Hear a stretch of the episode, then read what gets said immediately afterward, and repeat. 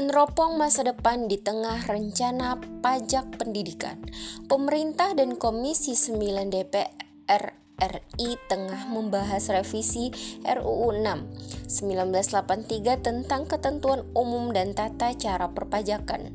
Dalam revisi RUU ini ada lima klaster yang dibahas, yakni ketentuan umum dan tata cara perpajakan, pajak penghasilan, pajak pertambahan nilai, cukai, dan pajak karbon.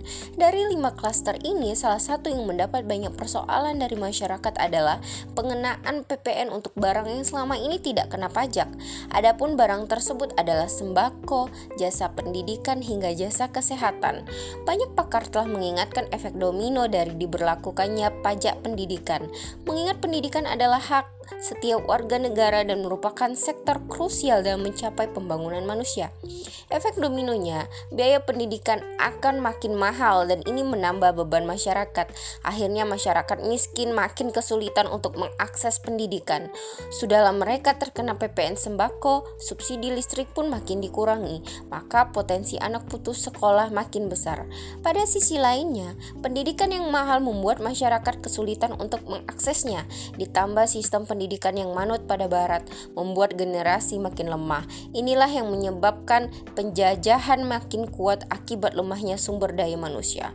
Sistem pendidikan yang berkualitas akan terlahir dari tata kelola negara yang bervisi melayani rakyat, fokus kerjanya dan juga pembangunannya semata untuk terpenuhinya seluruh kebutuhan rakyat.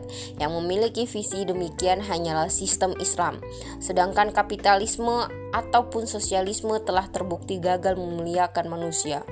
Tata kelola negara yang berasaskan Islam akan melahirkan kebijakan yang all out untuk pendidikan, mulai dari alokasi pendanaan yang besar hingga terjaminnya seluruh warga mengakses pendidikan dengan sumber APBN yang melimpah kepemilikan umum, FAI, Horoj negara akan mampu membangun sekolah yang berkualitas. Semua ini dilakukan karena pendidikan merupakan hak setiap warga yang dijamin negara. Sektor ini pun menjadi salah satu wasilah dalam membentuk saksia Islam pada generasi, sehingga terlahirlah dari pendidikan yang berbasis Islam generasi cemerlang pembangun peradaban mulia. Oleh karenanya, pajak pendidikan harus ditolak dengan keras karena berdampak pada kualitas generasi. Begitupun sistem yang menjadikan pajak sebagai tulang punggung dan membiarkan SDA dicaplok asing harus ditolak pula karena inilah sumber malapetaka. Lalu hadirkan Islam secara kafah dan bingkai khilafah Islamiyah agar umat terbebas dari belenggu penjajahan. Umat pun akan kembali menemui kemuliaannya sebagai manusia bertakwa. thank you